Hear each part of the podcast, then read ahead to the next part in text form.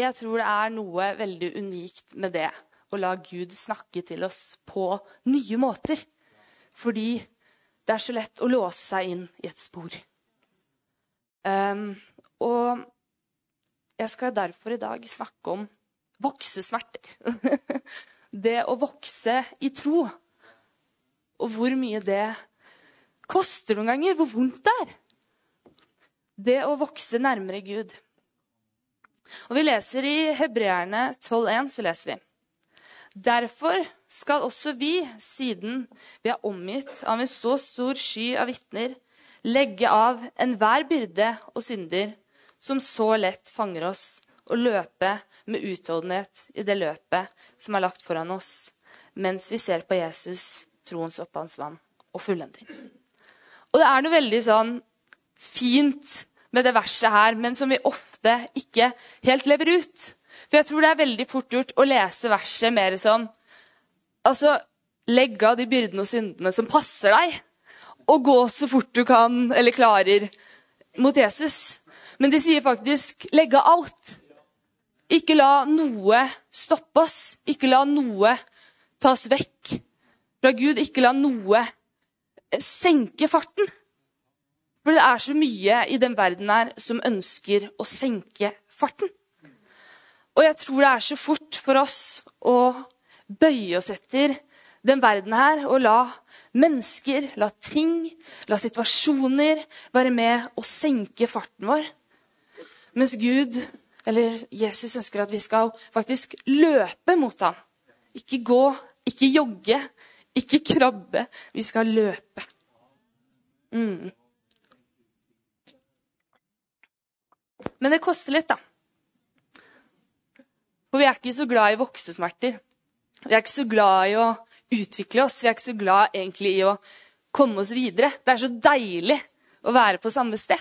Det er så deilig å bare kunne få lov til å bare ikke vokse. For det koster ikke så mye. Men nå kommer vi oss ikke videre heller, da. Og jeg skal i dag ta utgangspunkt i en historie som står i Daniel 3. Om disse tre mennene, som heter Shadrach, Mesak og Abenego.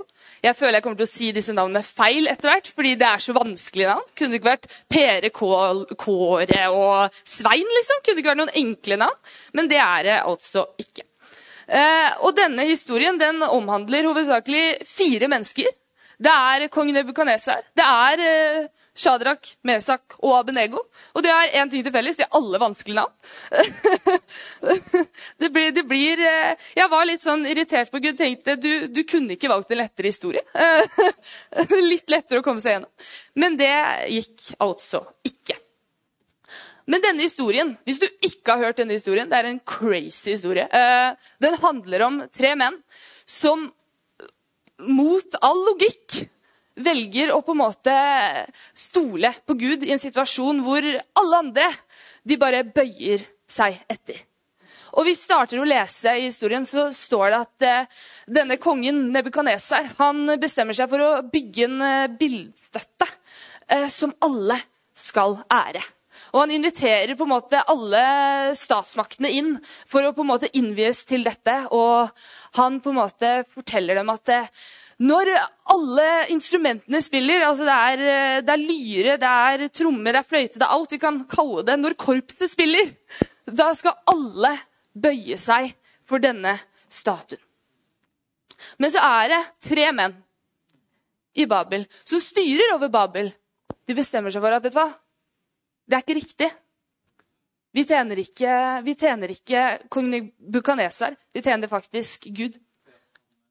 Og Nebukaneser har truet alle med at hvis dere ikke, hvis dere ikke bøyer dere, hvis dere ikke går etter det jeg sier, så vil jeg kaste dere inn i en ildovn.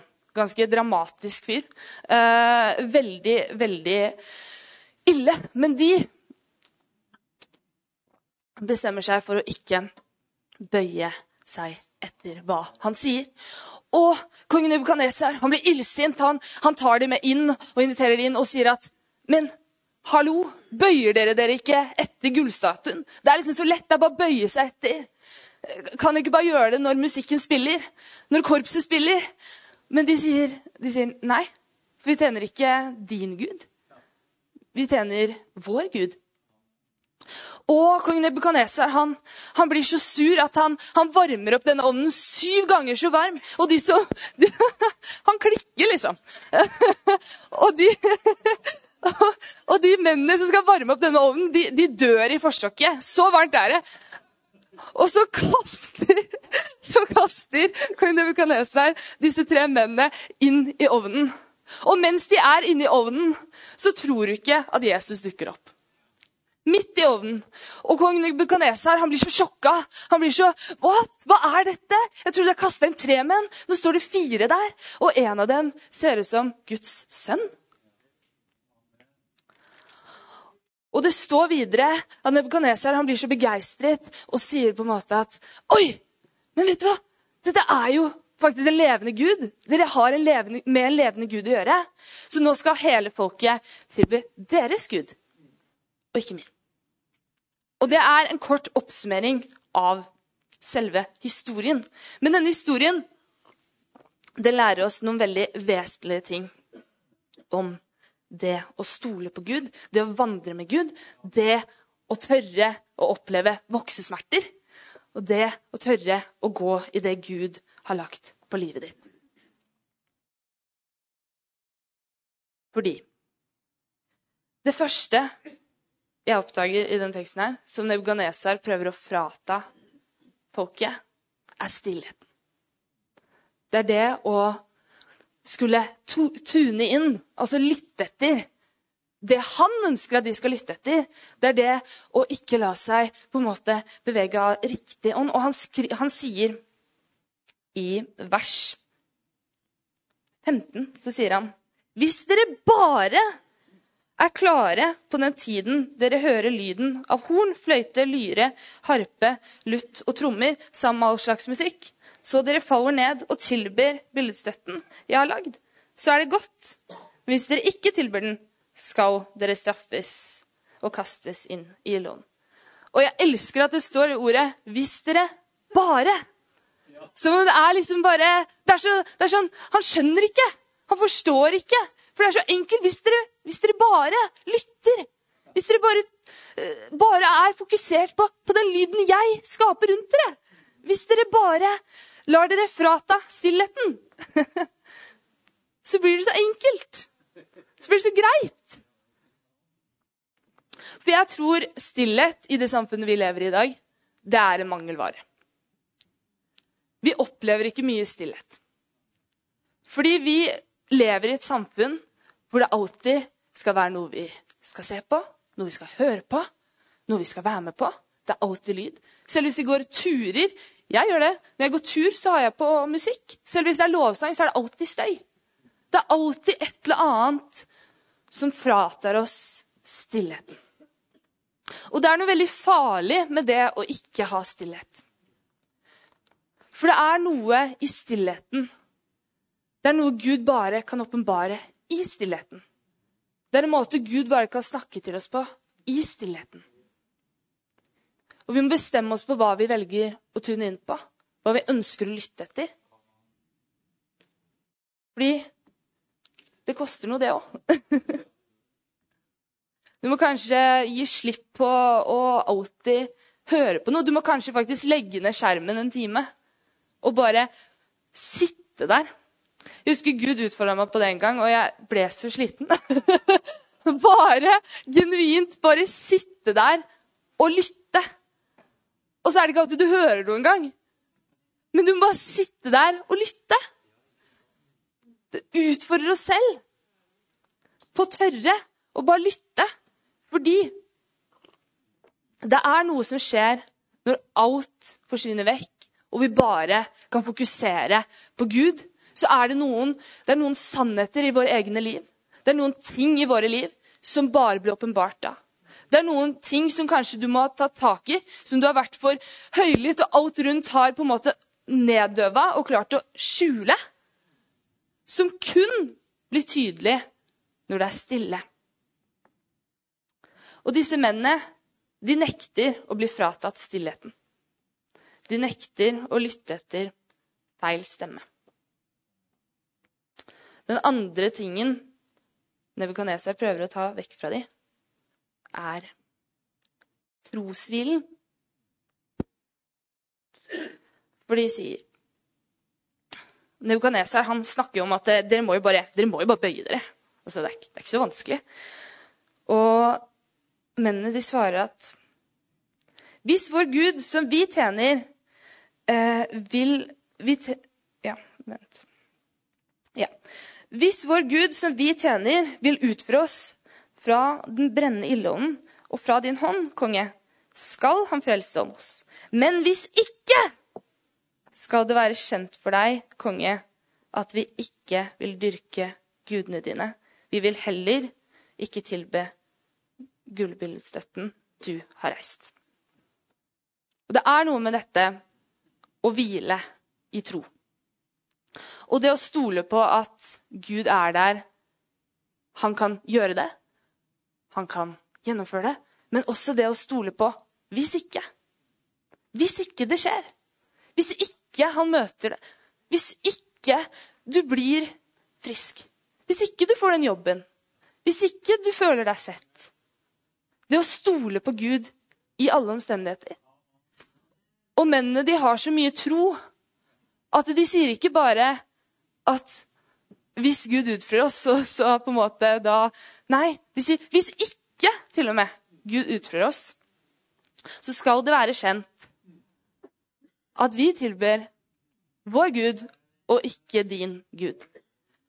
Og jeg tror i våre liv så har vi en tendens til å glemme hvis ikke.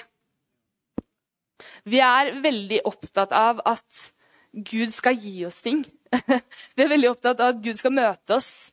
Eh, vi er veldig opptatt av å føle ting. Skal føle Gud hele tiden. Det skal være så, skal være så hele tiden. Eh, og vi skal på en måte Vi må få svar på alt med en gang. Og vi må på en måte Alt må på en måte fungere sånn, ikke sant? Fordi samfunnet vi lever i, er sånn. Det går effektivt. Det skal være effektivt. Og så har kanskje Gud en helt annen rytme. Og så har vi en tendens til å ikke ville bøye oss etter Guds rytme, men etter verdensrytme. Fordi verdensrytme er så effektivt, det går så fort, det er så enkelt. Mens Guds rytme krever litt mer, går litt saktere. Krever litt mer av deg. Krever litt mer ydmykhet. Men vi er faktisk avhengig av hvile. Vi er avhengig av troshvile. Og det er veldig morsomt, fordi vi glemmer nesten dette, men det første konseptet Gud introduserer oss til etter at han er ferdig med skaperverket, det er hvile. Det første han ber oss ta del i, det er hvile. Han starter med hvile. Det er ikke noe vi skal fortjene. Det er ikke noe vi skal på en måte øh, trenge å jobbe for. Fordi vi lever i et samfunn som det er populært å være stressa. Det er populært å ha for mye å gjøre. Du skal alltid si at du har gjort ti ting den dagen, og hvis du ikke har det, så må du kanskje finne på to. du kan ikke fortelle noen at du har sittet hele dagen og slappa av. Sittet hele dagen og, og ikke gjort noe fordi du blir ansett som lat. Og jeg tror vi har en tendens til å tenke at det motsatte av hvile er, er på en måte, Eller at hvile er latskap, at det motsatte av hvile det er på en måte å være effektiv, det er å være i full gang, det er å, å, å være der man skal være, liksom. Men jeg tror det motsatte av hvile, det er strev. Det er å strekke etter noe Gud aldri har bedt oss strekke etter. Det er å gå en vei Gud aldri har bedt oss om å gå. Og det er å tre inn i ting som du aldri var ment til å tre inn i. Og det er, det er, noe med det å gå inn i noe Gud ikke vil at vi skal stå i. Som sliter oss ut. Og som hindrer oss fra å komme der Gud vil at vi skal være. Vi trenger denne hvilen. Fordi hvis ikke hvis ikke du lar deg hvile, hvis ikke du lar Gud ta bekymringene dine, hvis ikke du lar Gud ta vanskelighetene, ta frykten Hvis ikke du lar Gud ta dette, så bærer kroppen din det istedenfor. da kan du faktisk bli syk. Fysisk og mentalt. Fordi du bærer noe som Jesus alltid har tatt. Og vi må noen ganger bare la oss hvile i at Jesus, han, han, har, han har tatt alt. Og Jesus, han er alt. Og noen ganger så må vi også nøye oss med at OK, hvis alt jeg får, bare er Jesus, det er nok. Trenger ikke, du trenger ikke den jobben, du trenger ikke de pengene. Du trenger ikke det bønnesvaret. Du trenger Jesus. Og hvile i at Jesus, han er veien, sannheten og livet.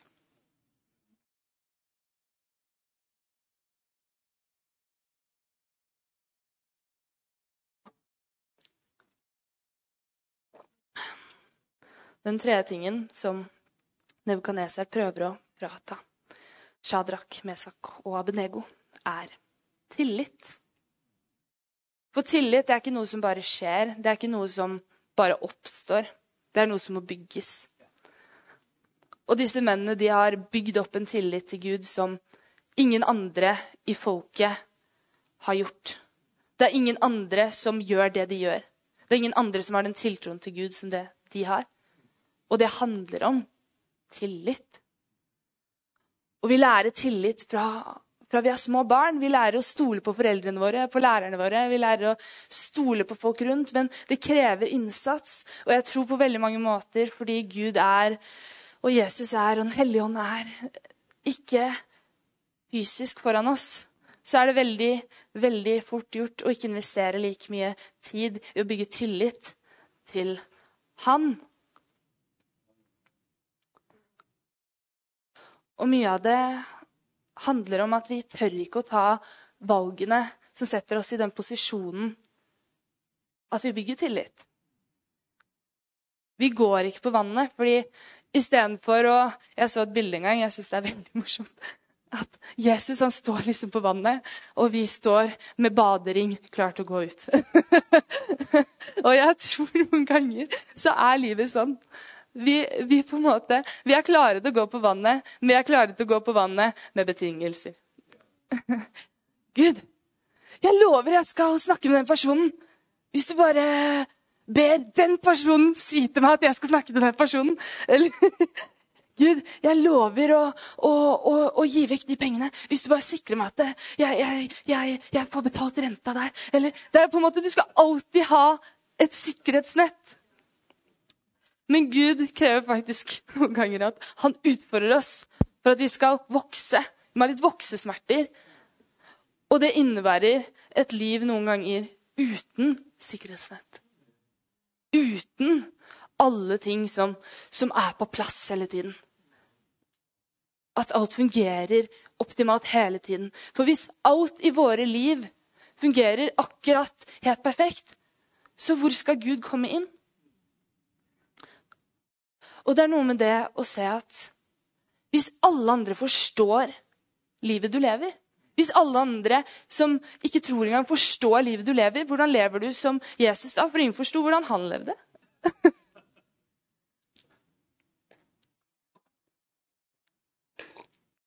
Et liv i tro er ikke logisk. Det krever at vi tør å se forbi logikk. Vi tør å se forbi verden. Vi tør å se forbi hva denne verden gir oss, lover oss, investerer i oss. Og vi må ofre vårt potensial i denne verden for å nå Guds hensikt.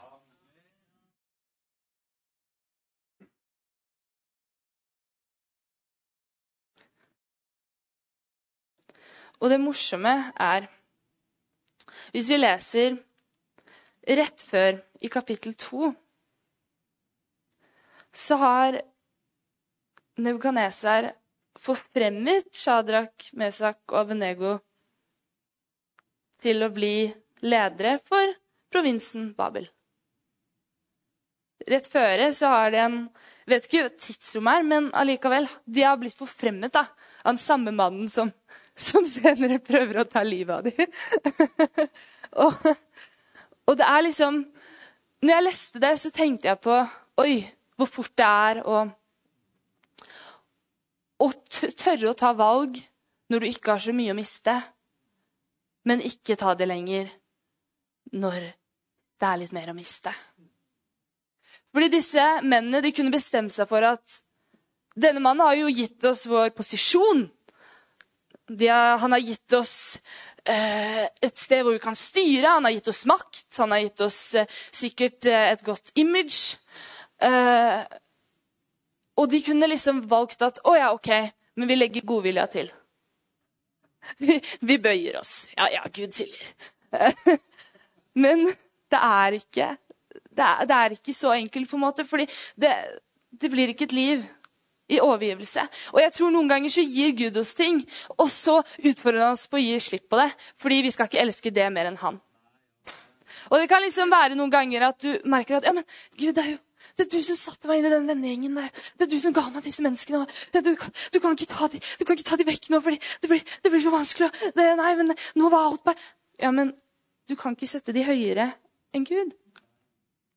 Eller du eller, ja, nå har jeg vært i den jobben her så lenge, og du kan ikke kalle meg ut av den nå, for det, fordi nå, nå, fungerer eh, Nå har jeg gått med inntekt og Ja, men det skal ikke høyere enn Gud.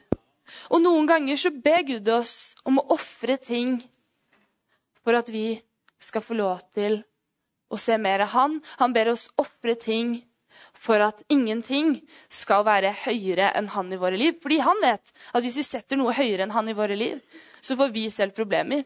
Fordi med en gang vi tar avgjørelser, og vi går på ting uten at vi har gitt Gud ansvaret for det, så det også, må vi også ta oss av eh, konsekvensene. Det blir vårt ansvar å ta oss av resultatene. Men med en gang vi legger noe på Gud, med en gang det er Gud som får lov til å veilede oss. Med en gang det er Gud som får lov til å være herre. Med en gang det er Gud som får lov til å bestemme, så er det også han som er ansvarlig for resultatene og konsekvensene.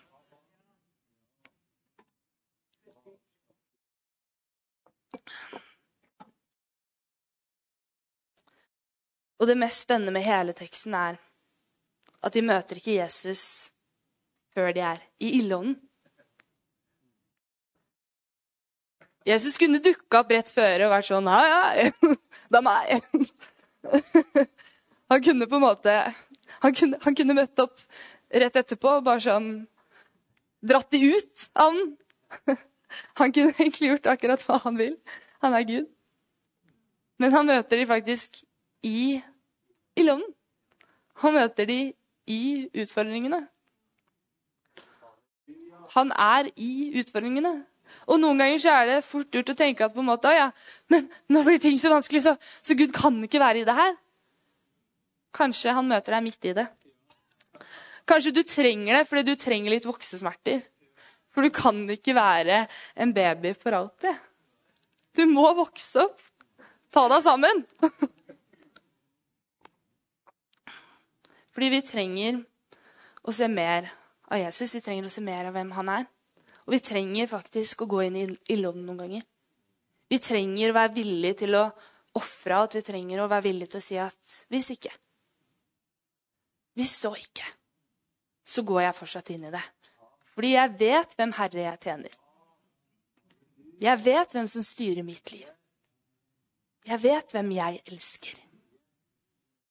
For det handler om kjærlighet. Det handler om å elske Jesus. Vi må faktisk elske.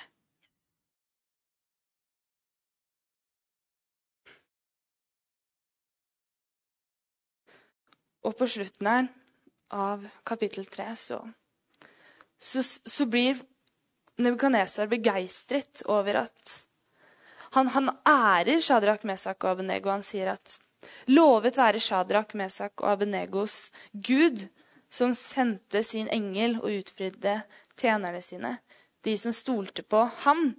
De avviste kongens ord og overga sine liv, så de ikke skulle tjene eller tilbe noen gud bortsett fra sin egen gud.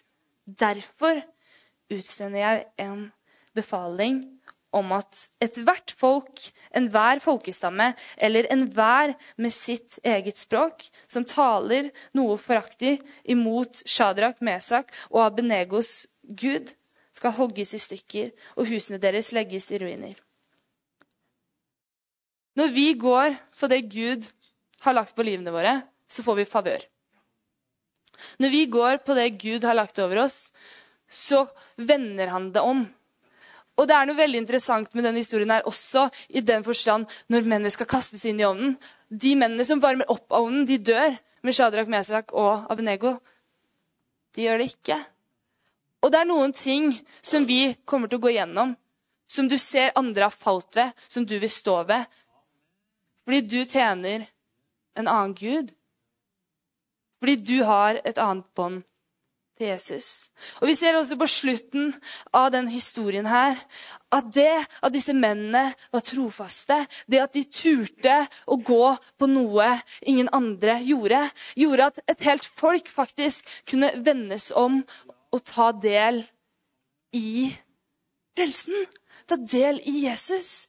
Ta del i denne guden som Shadrach, Mesak og Abenego tjener.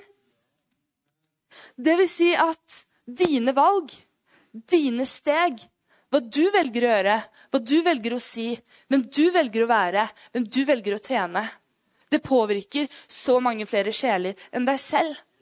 Og det at du tør å være den som skiller deg ut, det at du tør å kjenne på litt voksesmerter, det at du tør å være en som sier imot, være en som går mot strømmen, være en som ikke gjør det alle andre gjør, fører til at andre kan komme til omvendelse. Det fører til at andre kan få lov til å ta del i det vi har. Og Det er så viktig at vi ikke bare blir lys som er samlet på ett sted, men at vi er lys som er spredd ut. Men det er så viktig at vi har Jesus som vår kjerne. Fordi jeg ser mange i dag som er veldig opptatt av å gå ut og skulle spre evangeliet. Og det skal vi. Men det er så viktig å se at Jesus han var så nær til Gud at når han delte, når han gikk ut, når han forsynte, så var han så i ett med far, Faderen at han kunne møte mennesker som ikke sto på samme sted. Og det er litt sånn at vi må vokse forbi for å også kunne gi. Og det er litt det at en storebror er alltid litt godt for en litt yngre. Vi trenger å ta vare på hverandre, men vi trenger å vokse. For vi trenger å kunne gi videre for å dyrke og bli mer ett med Jesus. Hvis det er én ting jeg vil at du skal huske fra den prekenen her, så er det det at hvilke områder på livet ditt nekter du å kaste inn i ildovnen? For jeg tror vi alle har områder av livene våre hvor vi, hvor vi ikke lar det være stille, hvor vi ikke lar oss hvile, hvor vi ikke har tillit. Som vi flykter fra, eller som vi har blitt så glad i at vi klamrer oss fast til. Men det er så viktig at disse tingene, når Gud kaller oss til det, blir kastet inn i ildovnen. Og så møter Jesus oss der. Og så hjelper han oss gjennom det. Men mennene hadde ikke mest sannsynlig møtt Jesus den dagen hvis de ikke hadde gått inn i ildovnen. De hadde ikke sett Jesus den dagen hvis de ikke hadde gått inn i den ovnen. Og det er ikke mange i Gamle testamentet som får lov til å gjøre det. Det var de. Det var de. Det er fordi de var så radikale. De var så vågale. Og de valgte å høre mer på Gud enn på mennesker. Kjære himmelsk Far, jeg bare takker deg for alle som er her i dag. Far. Jeg bare ber om at du berører hver enkelt. Jeg bare ber om at du åpenbarer for oss hvilke områder av livene våre som vi skal kaste inn i ilden. Hvilke områder av livene våre som ikke tjener deg, men som senker farten vår. Som gjør at vi har begynt å jogge, som gjør at vi har begynt å gå, som gjør at vi har begynt å krabbe. Å, jeg bare taler mot uh, mismodighet og alt som trekker oss ned. Og jeg bare ber om at du setter oss fri. Jeg bare ber om at du møter oss akkurat der vi er, akkurat nå. Og at du treffer oss med din nåde, din kjærlighet, og gir oss evnen til å ha stillheten, ha hvilen og ha tilliten til å stole på at du har tatt alt, at du har alt. Og at du kan alt. Og du møter oss akkurat der vi er. Akkurat nå. I Jesu navn. Amen.